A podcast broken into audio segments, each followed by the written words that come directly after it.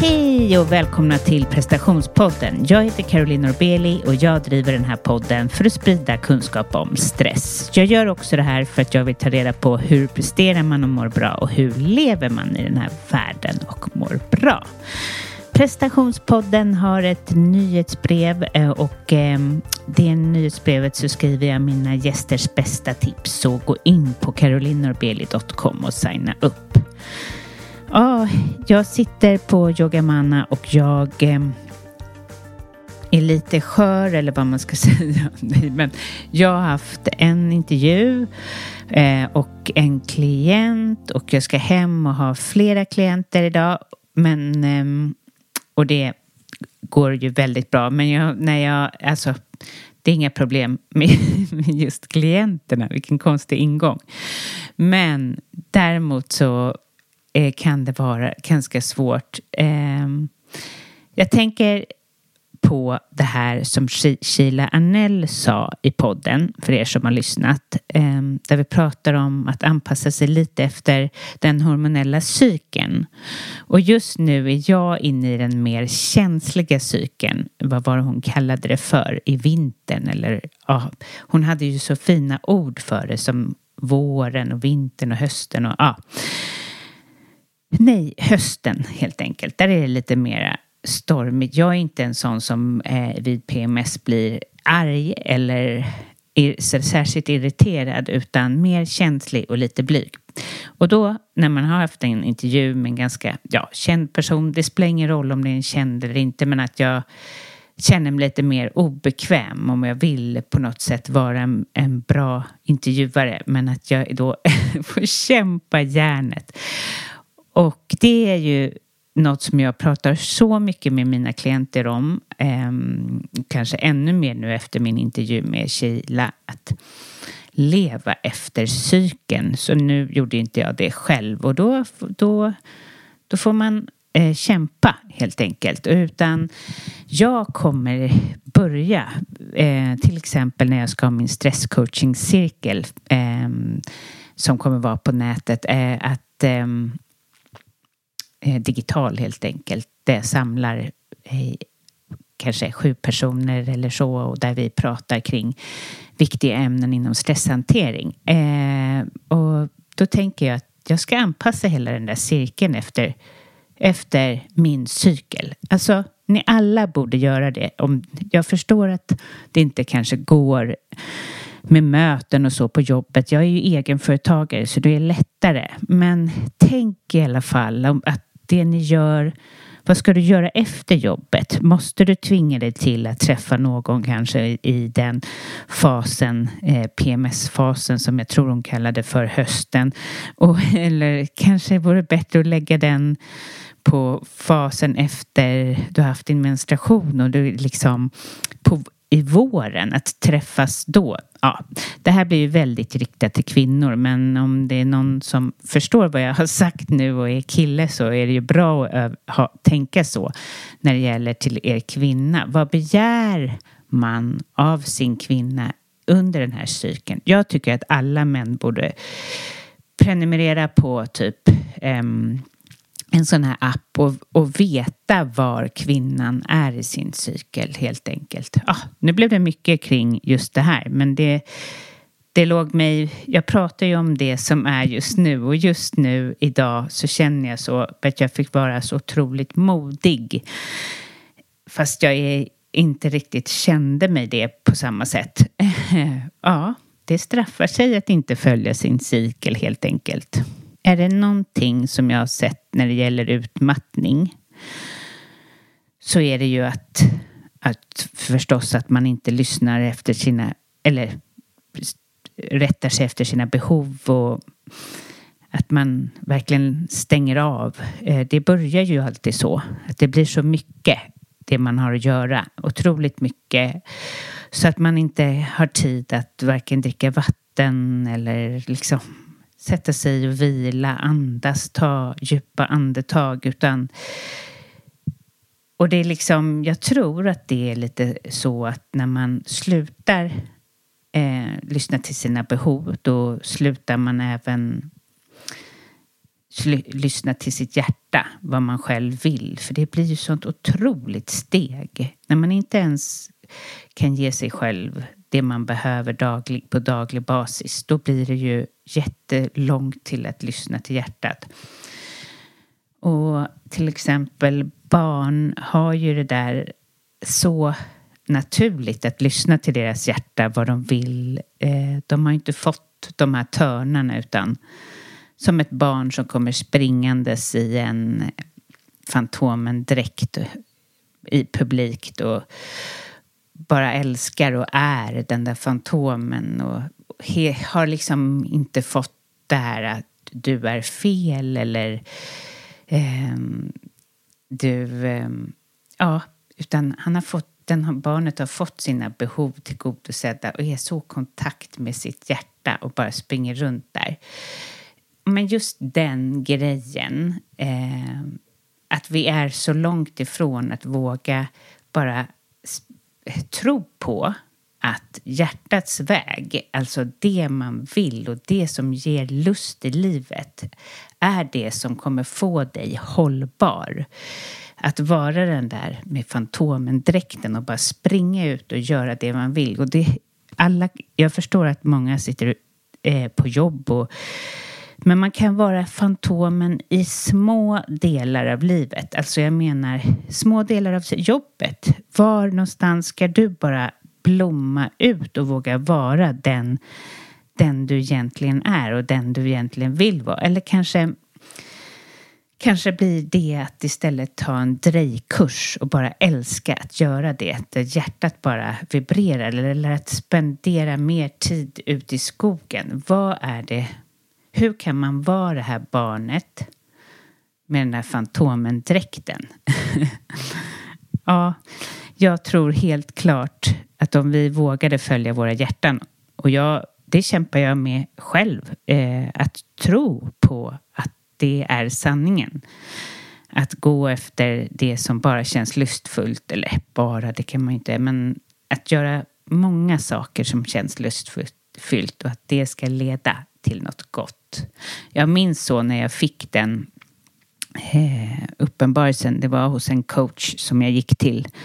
Min första coach. Och eh, hon var fantastisk. Och hon, hon sa men Caroline, du ska gå på lust.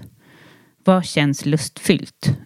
Och det var, det var sån eh, mindblowing för mig för att jag tänkte att det var då, alltså det man ska göra i livet ska väl vara liksom jobbigt och måsten och pekpinnar och gå efter normer. Man ska inte bara bryta sig loss från alla normer utan du ska väl göra det som alla tänkt att du ska göra.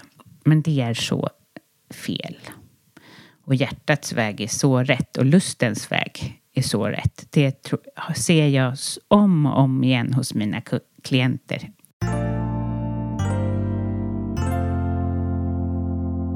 Just nu tar jag emot klienter och är det så att du är intresserad av att börja jobba med dig själv eh, stärka dig själv, eh, minska stress, minska prestationskrav, byta karriär, hitta ett nytt jobb, eh, jobba med dina relationer så är du varmt välkommen att signa upp på carolinorbeli.com och göra en intresseanmälan så hör jag av mig till dig och så bokar vi en 30 minuters gratis eh, session där du får se om jag är rätt coach för dig.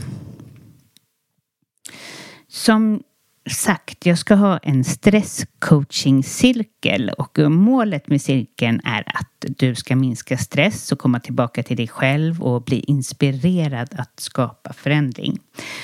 Och eh, den är digital och vi ses fem onsdagar på Google Meet. Och eh,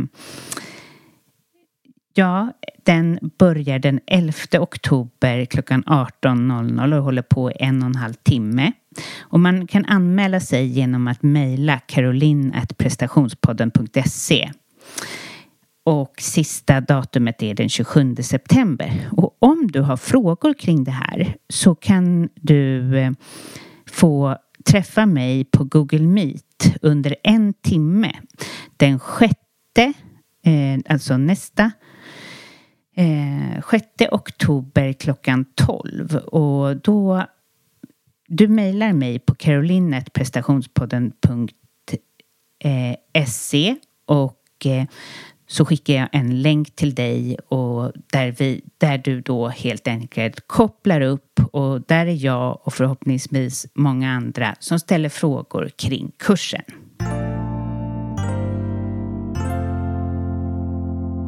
Det här avsnittet så eh, är det en kvinna som heter Simone eh, Flodin.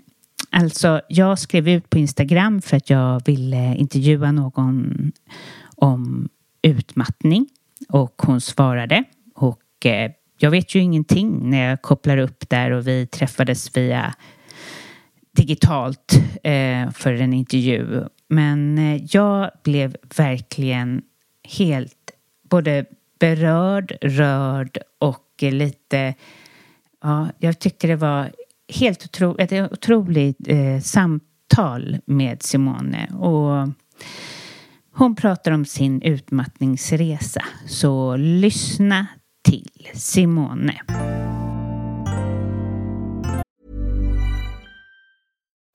Life is full of what ifs. Some awesome. Like what if AI could fold your laundry? And some, well, less awesome. Like what if you have unexpected medical costs?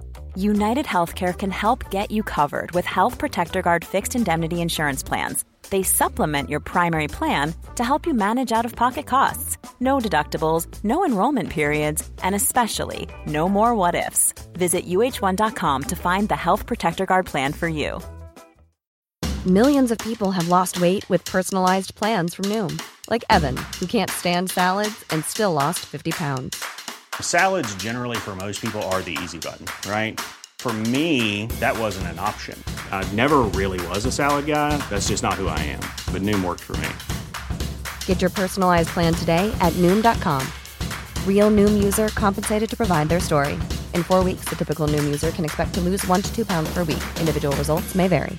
Quality sleep is essential. That's why the Sleep Number Smart Bed is designed for your ever evolving sleep needs. Need a bed that's firmer or softer on either side? Helps you sleep at a comfortable temperature? Sleep Number Smart Beds let you individualize your comfort so you sleep better together. JD Power ranks Sleep Number number 1 in customer satisfaction with mattresses purchased in-store. And now, save 50% on the Sleep Number limited edition Smart Bed for a limited time. For JD Power 2023 award information, visit jdpower.com/awards. Only at a Sleep Number store or sleepnumber.com.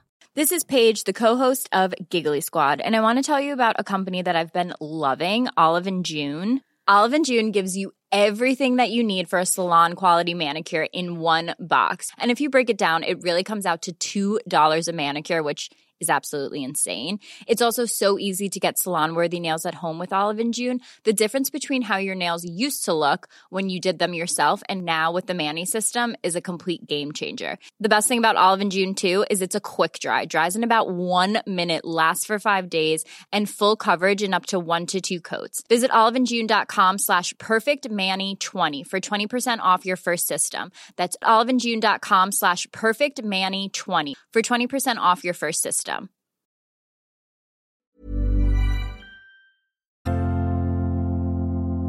Hej och välkommen till prestationspodden Simone. Tackar, tackar. Berätta, vad jobbar du med? Just nu så har jag börjat hålla blomsterkurser. Faktiskt. Så att jag hade elever igår kväll, tio stycken skaparglada tjejor som fick lära sig att binda buketter. Eh, så att jag är ju florist. Men det var länge sedan jag har jobbat med det, utan det är precis, ja, ganska nyligen jag har kört igång med detta. Mm. Mm. Och man backar bandet. Eh, eh, när brände du ut dig och var befann du dig då? Detta var alltså, egentligen så var det två gånger. Första gången 2017, då kände jag att jag kraschade. Eh, men då tog jag inte, jag fick inte rätt hjälp och jag försökte på egen hand och det gick inget bra. Eh, så 2019 vart en riktig rejäl krasch eh, hösten. Och det ledde fram till en sjukskrivning då, tills eh, ja, jag är fortsatt halv, halvtidssjukskriven. Vad tror du att det beror på? Eh, det är många komponenter och eh, under pandemiåren fick jag ju bra hjälp och reflekterat och verkligen grottat i allt. Barndom och hur jag är som person. En högkänslig person eh, som brinner för mycket, älskar människor, haft svårt att säga nej för att jag velat finnas där för familj och vänner och gillat göra saker. Eh, så att jag, det blev nog en komponent, många komponenter och att jag jobbar i förskola, eh, hög ljudnivå eh, och ingen återhämtning. Jag tappade bort min kreativa sida under många år för att det var för mycket annat. Och så då var det högt, mycket ljud och så mm. eh, ja. fanns det något mer som du inte hade tänkt på? Eh, jag pratade här om i något avsnitt tidigare om att det man inte förändrar så blir det. Alltså eh, att man inte tänker på att det finns saker som blir till ens verklighet. Mm. Eh, alltså saker, mönster, man, hur man är och sådär. Mm. Absolut, och det kände jag att när jag väl stannade upp och försökte bli medveten så gjorde jag allting fort. Du vet, det var eh, mm. som att jag var stressad jämt. Och en inre stress och oro. I familjen har det varit psykisk ohälsa, det har hänt mycket jobbiga saker och det har lagts på mina axlar. Eh, mm. Jag har nog tagit på mig för mycket ansvar eh, sen liten. Att jag har liksom jag har varit stora syster eh, och inte reflekterat heller över att jag kan få vara mig själv utan prestationer. För att jag har nog mm. värderat mig själv i att Eh, jag är glad och sprudlande och vill kunna hjälpa och ge. Men jag har haft svårt att ta emot hjälp för att jag har haft den rollen att finnas för andra och liksom peppa och stötta och ja, varit den i skolan också som har tagit på mig liksom eh, ansvaret att saker görs och liksom kommer fram. Så att jag har nog fått lära mig att också känna att jag är bra som jag är fast jag inte gör något. Att jag sitter i soffan och bara, eller är med vänner och att det inte är jag som har ansvaret att samtalet liksom förs framåt. Det är inte bara mitt ansvar. Men det har jag alltid känt. Så att jag har haft mm. väldigt mycket ansvar i alla situationer, känner jag. Mm. Oavsett om jag handlar så ska jag vara vänlig och utåtriktande. Men nu har jag fått lära mig att nej men, jag kan försöka bara vara mig själv och hitta ett lugn. Och det har jag fått jobba jättemycket med. Och haft samtalsstöd och så. Så att det, det är nog som du säger att man kan inte riktigt få eh, någon ordning på det förrän man verkligen tar fram allt i en på något mm. sätt. Eh, mm. Grottar ner sig. För det vart då under 2019 att eh, jag fick tid och att göra det. Att alla minnen då från, vet när man gick i förskolan, då, alla minnen liksom bara, det öppnades, minnesbanken. Alla möjliga händelser så att då börjar man se på sig själv utifrån lite grann och som den här lilla flickan. Eh, att jag har varit väldigt hård mot mig själv. Haft väldigt höga krav eh, i allt och till slut så gick ju ingenting. Jag kunde ju inte fixa disken och klippa gräset och det var ju sånt jag annars ville ha en hög standard men sen gick det inte. Det vart liksom... Mm. Det tog slut helt enkelt? Helt slut. Ja. Mm. Mm. ja.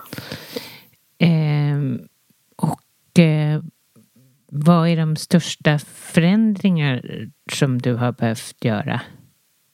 Det är nog att lära mig att andas rätt med magen. Mm. För det vet jag att jag inte har gjort. Eh, det har varit en hög, alltså andningen har suttit högt upp. Eh, mm. Man har väl spänt sig, dragit in magen, jag vet inte. Du vet, man ska eh, se annorlunda ut. Man ska, jag tror att det har liksom varit så sen liten. Alla skulle se smala ut och du vet. Eh, mm.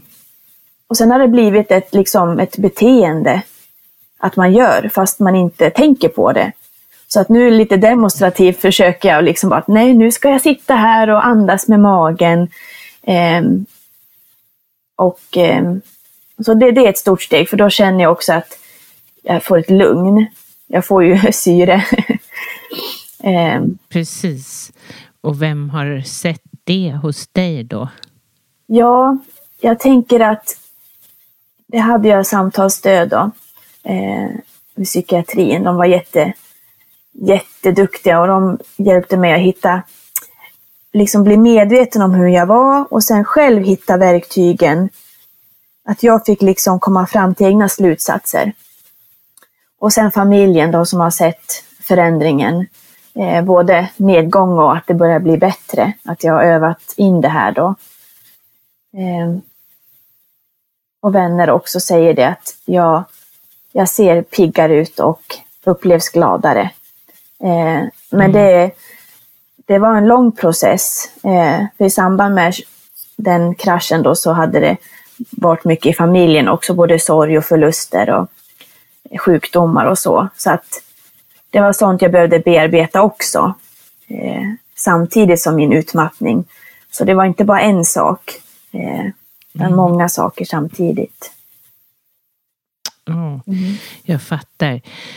Eh, och då har du ställt om. Jag tänkte lite på din mail, för du har ju kommit ut, eller jag, vi har ju hittat varandra på grund av att jag ställt ut frågan om det är någon som vill prata i podden. Och eh, då hade Jewelry by, alltså mm. jag tänkte att du höll på med smycken. Yes, det gör jag. Det hittar jag under, ja, faktiskt pandemin. Eh, det var en kompis som har haft webbshop och en butik för många år sedan. Hon hade mycket grejer kvar, pärlor och lera och sådär. Mm. Så att hon sa det, jag tror du skulle må bra av att greja med det här. Så hon gav mig en låda. Och eh, jag testade och jag blev helt fast. Så det blev min lilla terapi, min glädje och jag började smått, smått och bara trä lite pärlor på en tråd och göra om lite grann och återbruka smycken. Och sen vart det då med polymerlera och jag köpte in lite verktyg efterhand. Eh, och så har jag haft det liksom som, ja, jag har haft det som mitt sätt att få stänga ute världen och hitta mig själv och mina tankar och ett lugn. Så att det här är ju en önskan att kunna få arbeta med. Nu har jag haft det som hobby och sen gett mycket presenter och jag har, men det har varit min, mitt sätt att komma på fötter igen. Hitta liksom en gnista. Och jag har mm. nog alltid tyckt om, eh, jag vet att jag när jag var ja, tio någonting och gick på fritids så höll vi på med sånt här med lera och smycken. Men sen har jag inte haft en tanke på att kunna göra det.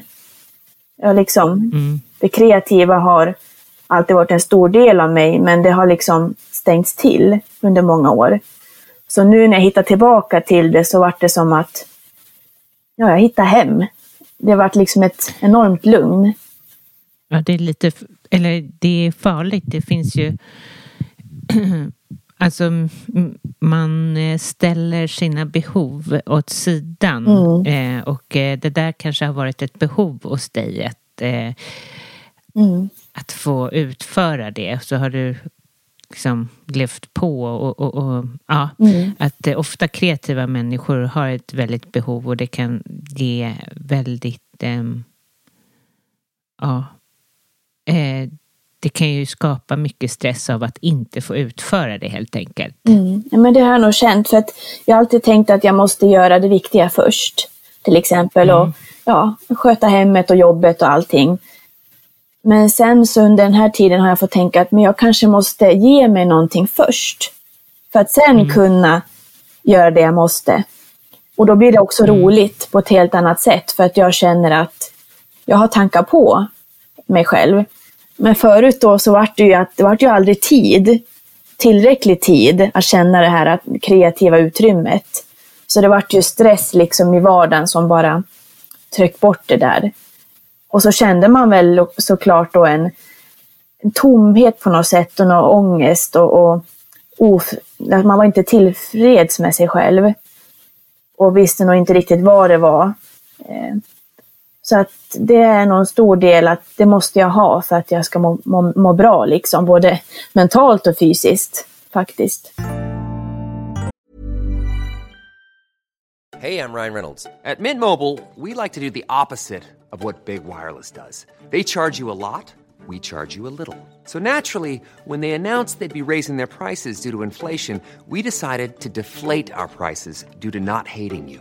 That's right. We're cutting the price of Mint Unlimited from $30 a month to just $15 a month. Give it a try at mintmobile.com slash switch. $45 upfront for three months plus taxes and fees. Promote for new customers for limited time. Unlimited more than 40 gigabytes per month. Slows. Full terms at mintmobile.com. Life is full of awesome what ifs and some not so much, like unexpected medical costs. That's why United Healthcare provides Health Protector Guard fixed indemnity insurance plans to supplement your primary plan and help manage out of pocket costs. Learn more at uh1.com. Hiring for your small business? If you're not looking for professionals on LinkedIn, you're looking in the wrong place. That's like looking for your car keys in a fish tank.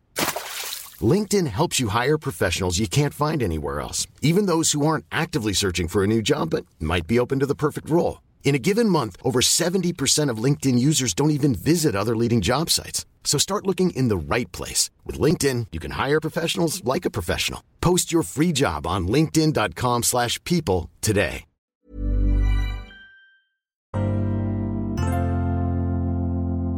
Det här avsnittet är sponsrat av Selexir. Jag har ju pratat mycket i podden om att vi fortfarande kan bli helt färdiga av träning, att jag nästan får en känsla av bakslag och eh, ja, det, det, är som att jag känner av min gamla utmattning och det är svårt att återhämta mig. Och jag, genom podden och genom mina klienter så har jag, träffar jag ju många människor som har haft en utmattning eller är utmattade och det visar sig också att de har svårt att återhämta sig efter just träning. Och jag har letat efter något som ger mig mer energi och jag har hittat Selexir One. För det är så här, när vi blir äldre så minskar våra mitokondrier i antal och vi blir mindre effektiva, vilket gör att eh, vi minskar vår energi och påskyndar vårt åldrande. Nej tack, äldre i förtid vill jag inte bli. Och forskning visar också att den här försämringen kan fördröjas rejält med till exempel träning, kost och, och tillskott av vissa näringsämnen. Selexir One är ett kosttillskott som innehåller ämnen som fokuserar på dina celler och dina mitokondrier. Vill du veta mer om det här så gå in på selexir.se och det bästa skulle vara att prenumerera på Selexir. Då är det utan bindningstid och den bästa kostnaden. Och såklart är det ju fraktfritt i Sverige, så gå in på selexir.se, använd koden PP20 i kassan och det här gäller engångsförpackning och och vid tecknad prenumeration. Jag lägger en länk i avsnittsbeskrivningen så att det här blir enkelt för dig.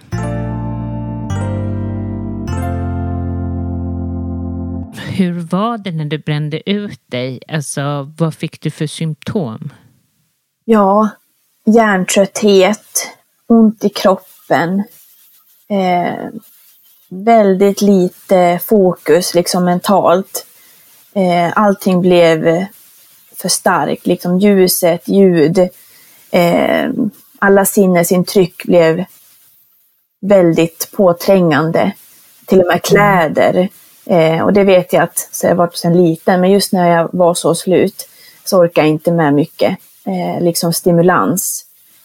Varken från mig själv, alltså yttre liksom så. Så att jag behövde ha det väldigt lugnt och tyst och mörkt kände jag. Så att glasögon fick jag använda och keps och när jag var ute liksom, för, ja, hörlurar. Men jag hade inget på. Men jag behövde liksom få stänga ute ljud. Mm. Eh, och sen ångest, eh, oro, det var liksom, det var mörkt, jag var jättetrött. Och inte en trötthet jag kunde sova bort, men jag sov väldigt mycket. Väldigt mycket. Mm. Och kunde inte ta långa promenader med något pulshöjande för då var det ångest. Eh, irritation, väldigt arg inombords. Eh, ja, det var smärta i rygg och nacke och fötter och det liksom spred sig. Magen blev ur balans. Eh, man kände bara att allting sa stopp. Det började klia på kroppen liksom när jag, ja, som klåda fast jag aldrig haft det. Jag har inte haft något problem. Men det är liksom bara klia. Oj, vad många symptom. Mm. Ja. Så att, och då när man är högkänslig också, man känner allting så eh, liksom normalt starkt, så var det ju som att det här var ju ett sånt enormt brus. Man kände hela kroppen bara skrika. Mm. Så det var väldigt svårt socialt. Och sen var det ju pandemin samtidigt då, så att det vart ju inte mycket ändå. Vi försökte komma ut på lugna promenader. Och, eh, så att eh, det var en... Samtidigt som det var bra, man kände att jorden stannade upp liksom när det var pandemi. Att man fick ett lugn, liksom att det var inga andra som träffades, man missade inget. Så fick jag nog tid. Det var som ett yttre, yttre omständigheter som gjorde att jag fick lov att ta det lugnt. Och sjukskrivningen då som sa att nej men du, nu måste du, nu är det stopp. Nu måste du få ta hand om mig. Och då var det som ett lugn. Jag kände att jag har rätt att få ta hand om mig. Jag är viktig. Eh, alla mina delar liksom i livet måste få prioritering nu. Så att då börjar jag både med ja, tänka liksom, ja men hur tar jag hand om mig? Jag kanske ska ha andra hårvårdsprodukter som är bra för mig. Eh, snälla saker liksom mot huden. Eh, så att jag försökte tänka på alla bitar men lite steg för steg då. Så plocka in liksom det här med sitta och måla en liten stund, korta stunder, mycket vila, små liksom pauser, eh, variation gjorde jag. Mm. Så att hade jag gjort något krävande, man tömt diskmaskinen, det fick ta sin tid. Så satt jag mig och tog en paus. Och läsa kunde jag inte göra, det var, tog lång tid innan jag kunde koncentrera mig. Eh, så det vart mycket egentligen bara att sitta och lyssna på tystheten. Tyckte jag var jätteskönt. Först var det jobbigt för att tankarna kom ju. Det var ju mycket minnen och mycket tankar och oro och så. Men eftersom jag fick stödet så var det att jag skulle stanna kvar i det. Jag skulle inte distrahera mig. Utan jag skulle försöka ta alla tankar som kom. Eh, och när jag lät dem komma så vart det inte lika otäckt heller. Eh, mm. Jag kände liksom ett lugn i att jag får känna mina känslor. Jag behövde inte trycka bort dem, jag behövde inte skjuta undan eller skjuta fram dem, utan det vart som att jag ställde upp för mig själv på något sätt. Att jag är viktig och mina tankar får komma. Vad fint. Vad bra du beskriver eh, ja, mm. vad jag eh, har sett hos så många. Mm. Eh, vad tror du är anledningen, liksom, alltså, varför, alltså det finns ju massa anledningar, men huvudanledningen är vad man ska säga, att vi mattar ut oss så mycket i Sverige? Ja, jag tror att vi vill vara så effektiva och produktiva och alltid alerta och ja, att man alltid är redo liksom. Eh, man ska visa upp att det är ordentligt och snyggt och prydligt och allt. Eh, och att vi kanske inte heller kommer varandra in på, liksom att mycket fasader. Och då får man liksom stänga ner vissa saker, att man ska inte vara för glad och inte visa att man är sur eller arg eller ledsen, utan det får man lämna hemma. Och så på jobbet ska vi vara professionella. Eh, och då kanske det blir en grej att så gör man hemma också. Man, man tar liksom inte och sätter på sig själv igen, utan man connectar inte med människor på det sättet. Jag kände att jag såg så mycket fasader och jag hade inte tid att eh, öppna upp, för alla var så stressade. eh, man liksom behöver känna sig trygg och lugn för att kunna prata och öppna upp sig för varandra. Och mm. många är väldigt stressade och jag, ja, man ser nog att eh, många har höga krav på att det ska vara på ett visst sätt och man jämför sig väldigt mycket tror jag. Med varann Mm. och hur det ska vara. Mm. Ja, precis. Och eh, också tror jag att vi är så frånkopplade varandra. Alltså vi träffas för lite. Eh, att nej men, Det är som att om man inte är till hundra procent bra så vill man helst inte ses. Mm. Alltså, alltså att vi borde liksom ses i befintligt skick mer i våran eh, föregående avsnitt eller om det är för, ja, för, för, Mm. ja, hur som helst, något avsnitt bakåt i tiden så pratar jag med en judisk kvinna Mm. hur de ses liksom även när någon har dött så kommer det hundra pers, eh, man behöver inte känna dem Mm. utan de kommer ändå. Eh, vi har liksom inga sådana traditioner. Vi kanske måste skapa det, tänker jag. Alltså Ja. att vara närmare varandra. ja, Även om man inte är släkt. absolut. Det, där har du nog en jätteviktig tanke, för det kände jag. Eh, min fästman dog i en bilolycka då 2019. Nej. Så där Ja, september. Ja, tack. Ja. Det var då fyra år sedan. Så att det var ju precis som att mattan drogs under fötterna. Alltså hela jorden rasade Ja. ju. Och, dess, ja, och dessförinnan hade jag börjat känna utmattningen och oron och allting. Eh, så att just det här med sorg och förluster, många är väldigt rädda. Vad ska jag säga och vad ska jag inte säga? Hur ska jag trampa? Liksom, trampar jag någon på tårna? Och vågar jag kramas? Vågar jag... Det är väldigt mycket sådär... Ja, jag tror att man blir handlingsförlamad. Eh, men det jag upplevt är ju, när jag har känt att jag har blivit tröstad, är när man bara varit där som en medmänniska. Alltså utan Ja. krav, bara liksom varit eh, närvarande. Och det behöver inte alls, alls vara några stora ord eller någonting, utan det, man bara känner känslan. Om den människan känner, alltså man, det är känslorna man talar med en som är i sorg. Det är inte intelle, intellektet, utan det är, Nej, Mm, vad fint. mm. och det har jag känt skillnad. Har ni Mm. barn också? Nej, jag Nej. är eh, singel tänkte jag säga. Alltså jag är ensam. Ja, precis. Ja, Ja. Mm. Mm. Så det var så att vi hade ett långdistansförhållande. Han bodde i Dominikanska. Så Jaha. att vi hade varit i den här processen då med Migrationsverket under ett par år för att han skulle kunna komma hit. Så att precis då i augusti hade vi fått ett godkänt liksom från Migrationsverket så att han skulle få komma hit då. Så att uppehållstillståndskortet, det fick jag hem till mig så jag skulle åka dit och eh, hälsa på hans familj och så skulle vi ja, ta oss till Sverige då. Så han hade fått grönt ljus. Men eh, så när jag landade där då så, så hade det varit ett riktigt kraftigt skyfall så att eh, han kom inte fram till flygplatsen. Så det, Mm, olyckan hände liksom bara eh, någon timme I bort. sammankoppling till dig Ja, också. Det är inte klokt. Så att det var då Ja. jag kände att okej, tänk om jag hade åkt någon annan dag. Eller innan.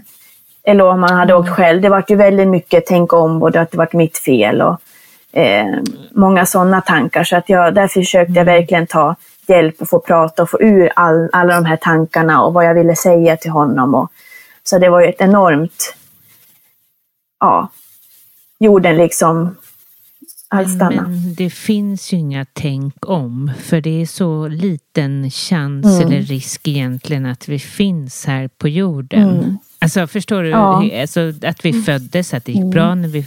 Alltså alla de här stegen Mm. till att eh, då det här hände också. Mm. Eh, men jag förstår din känsla. Men han skulle ju kunna varit ute och åkt i alla fall. Absolut. Eh, den, Ja, det är det som är så konstigt på att det är de tankarna som kommer. Fast man vet Mm. med intellektet att nej, så är det inte.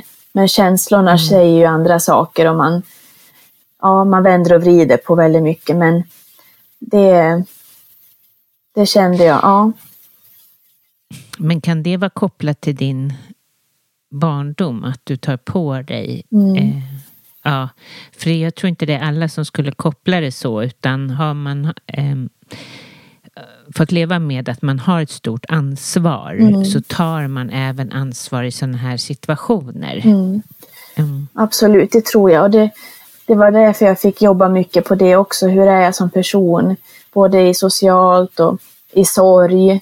Att då fick jag verkligen visa upp att men nu är jag, jag är stark men jag behöver också ha stöd. Jag behöver få prata. Eh, det vart det här omvända.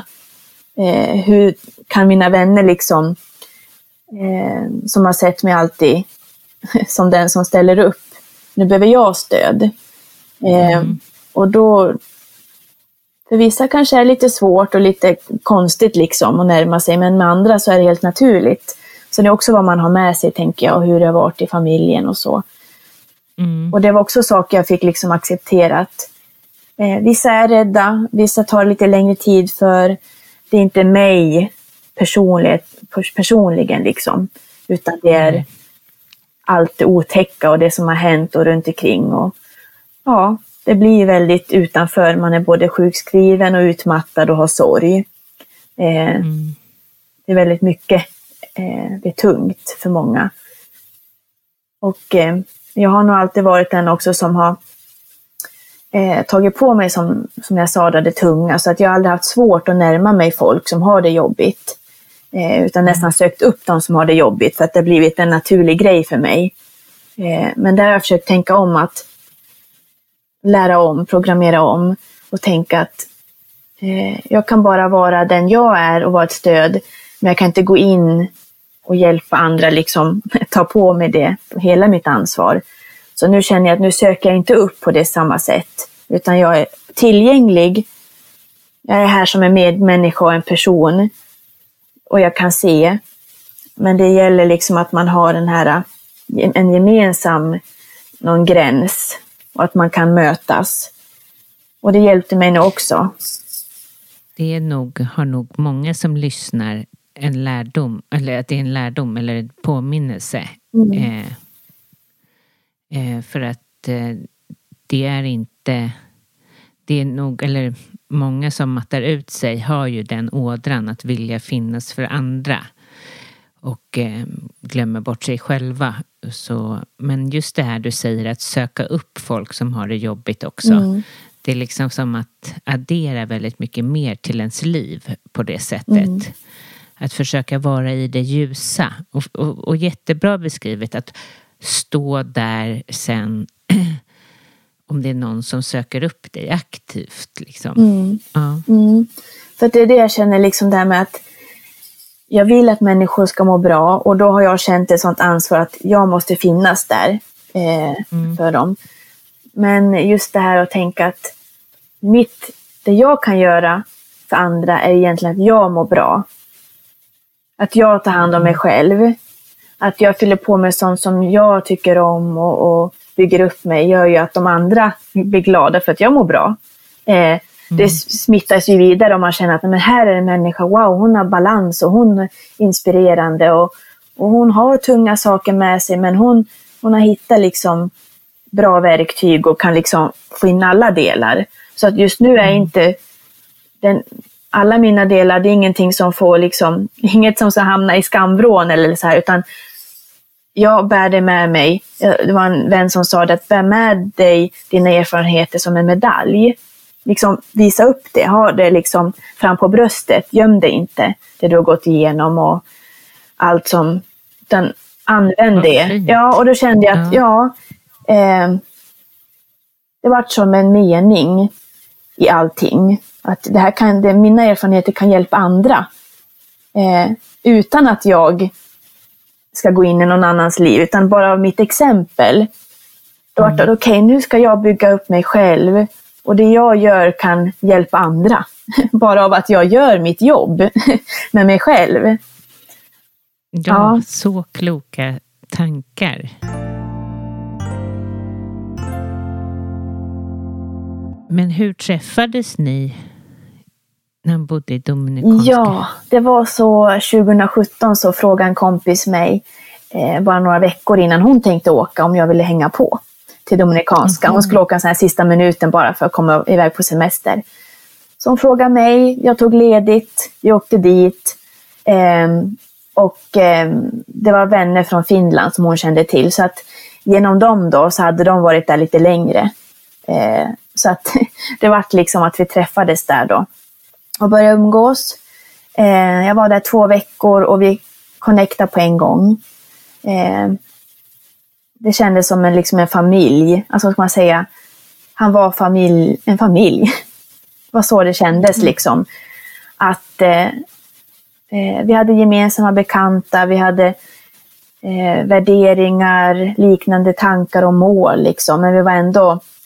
Eh, jag kände att han hade en, en härlig sätt att se på livet. Liksom. Han var, hade det lättsamma och hade hittat sin balans. Så han var en väldig inspiration.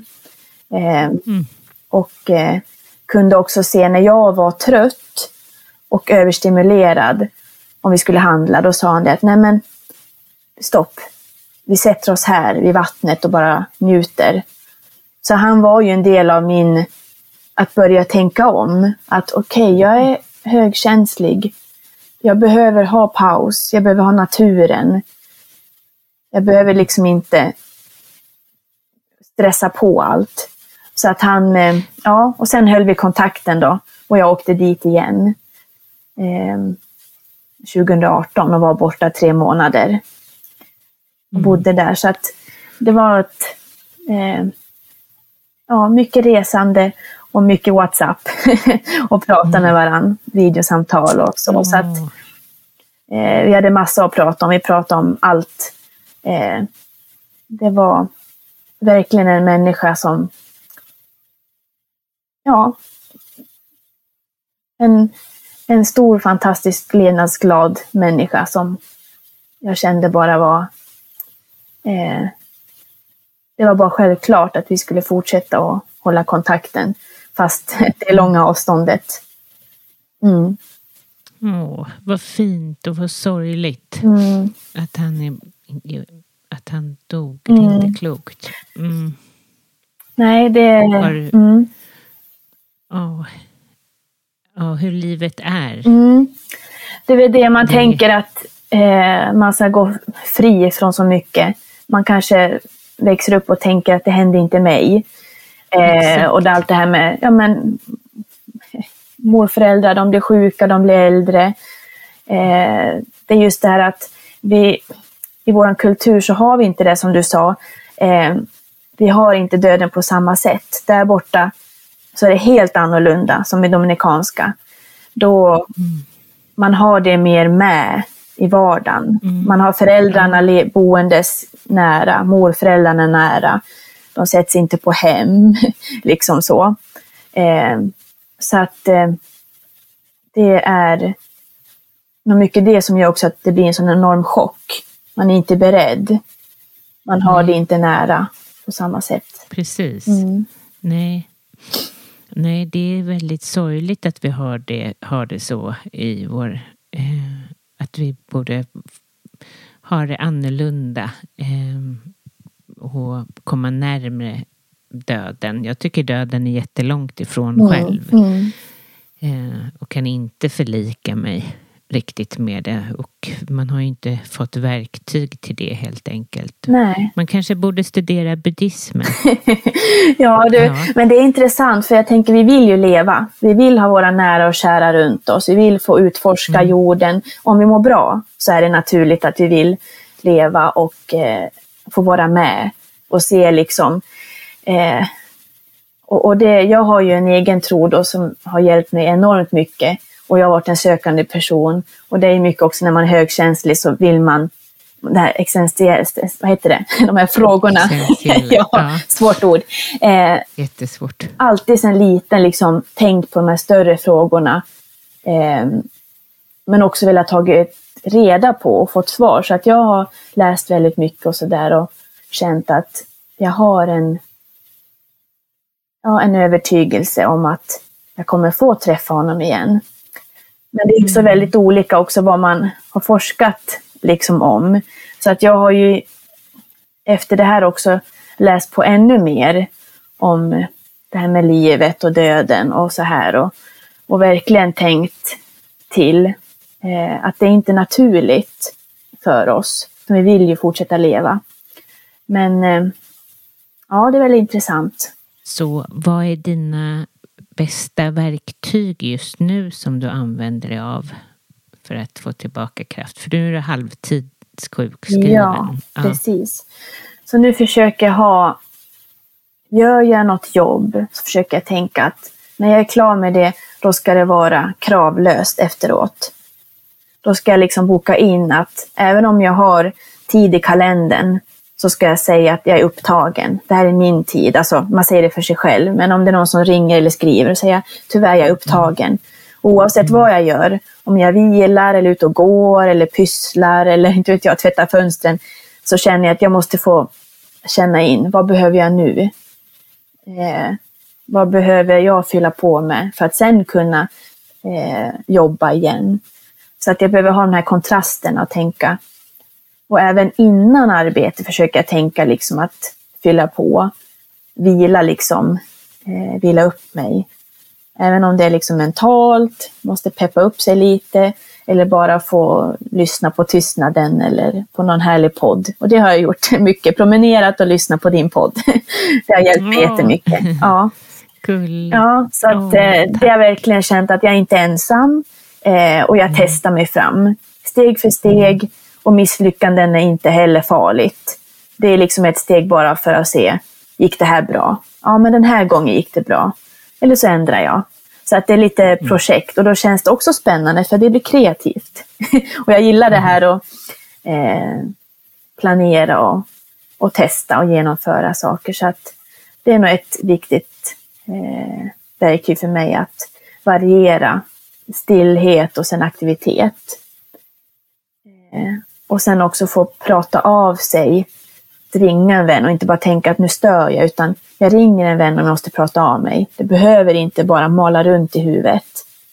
Nej, det är bra. Så mm. Det är verkligen att känna att men, de här vännerna har sagt att jag får ringa. Då, då gör mm. jag det. Eh, och sen, ja. Precis. Mm. Det sa eh, hon, jag återkopplar till det avsnittet då, eh, som är det förra avsnittet.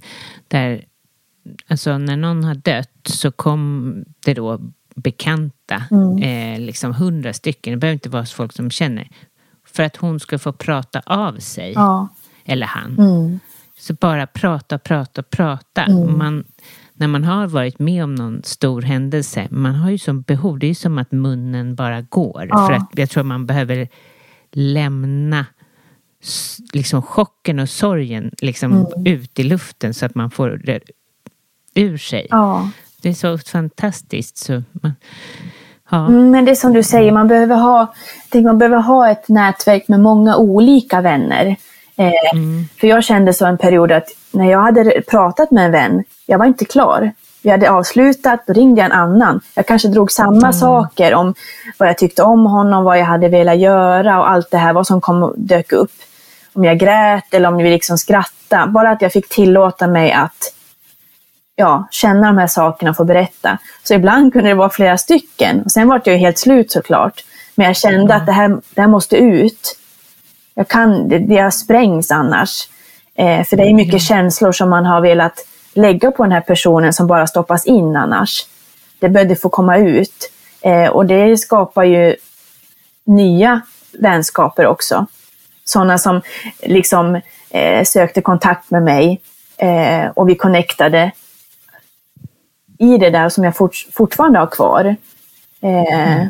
För att det, när man är i sorg och så här, det är så mycket ren, alltså det är äkta känslor. Det går inte att ha en fasad. Och då möter man också människor som, som är där i sina äkta känslor. De som inte kan vara där och ha den här fasaden, de tycker nog det är jobbigt. Då connectar man mm. inte. Men man känner liksom att här är en människa och vi, vi ser rakt igenom varandra på något sätt. Det är så äkta och genuint. Och det är så tröstande. Man bara känner eh, att man inte är ensam.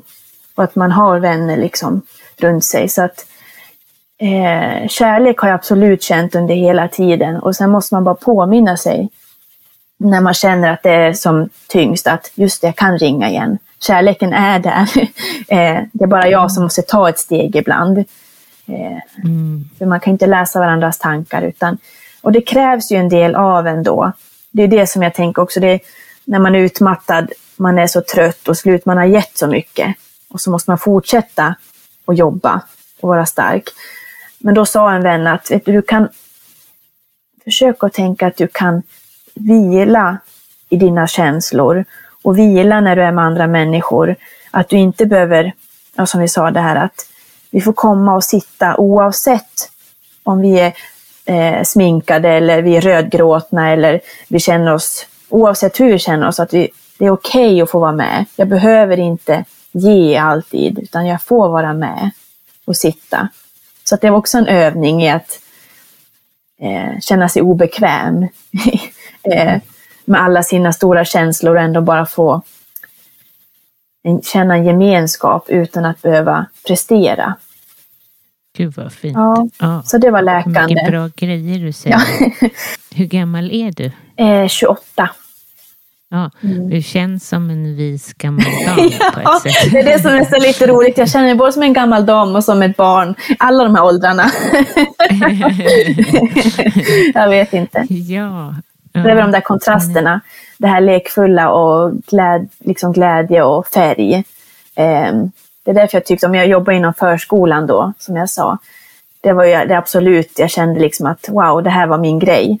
Men sen eftersom man hade man började känna utmattningen så blev det ju en sorg i det också att inte kunna orka.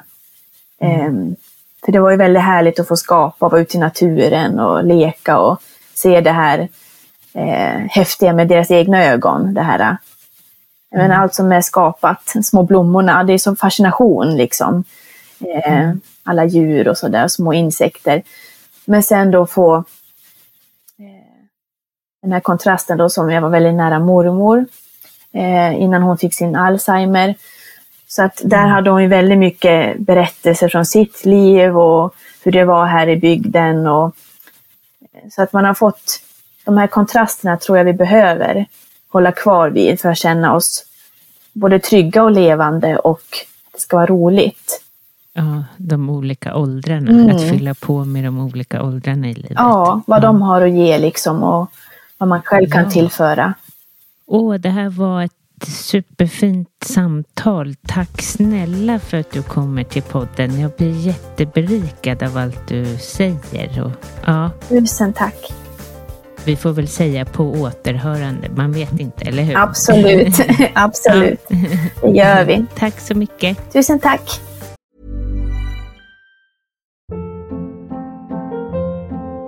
Hold up. What was that? Boring. No flavor. That was as bad as those leftovers you ate all week. Kiki Palmer here, and it's time to say hello to something fresh and guilt-free. Hello Fresh. Jazz up dinner with pecan-crusted chicken or garlic butter shrimp scampi. Now that's music to my mouth. Hello Fresh. Let's get this dinner party started. Discover all the delicious possibilities at hellofresh.com.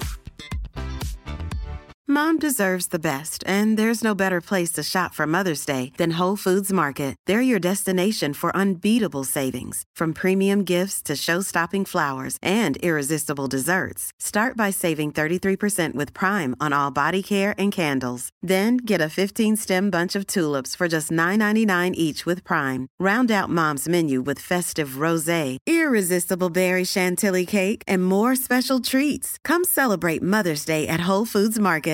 Even when we're on a budget, we still deserve nice things. Quince is a place to scoop up stunning high-end goods for 50 to 80% less than similar brands. They have buttery soft cashmere sweaters starting at $50, luxurious Italian leather bags, and so much more. Plus, Quince only works with factories that use safe, ethical, and responsible manufacturing. Get the high-end goods you'll love without the high price tag with Quince. Go to quince.com/style for free shipping and 365-day returns.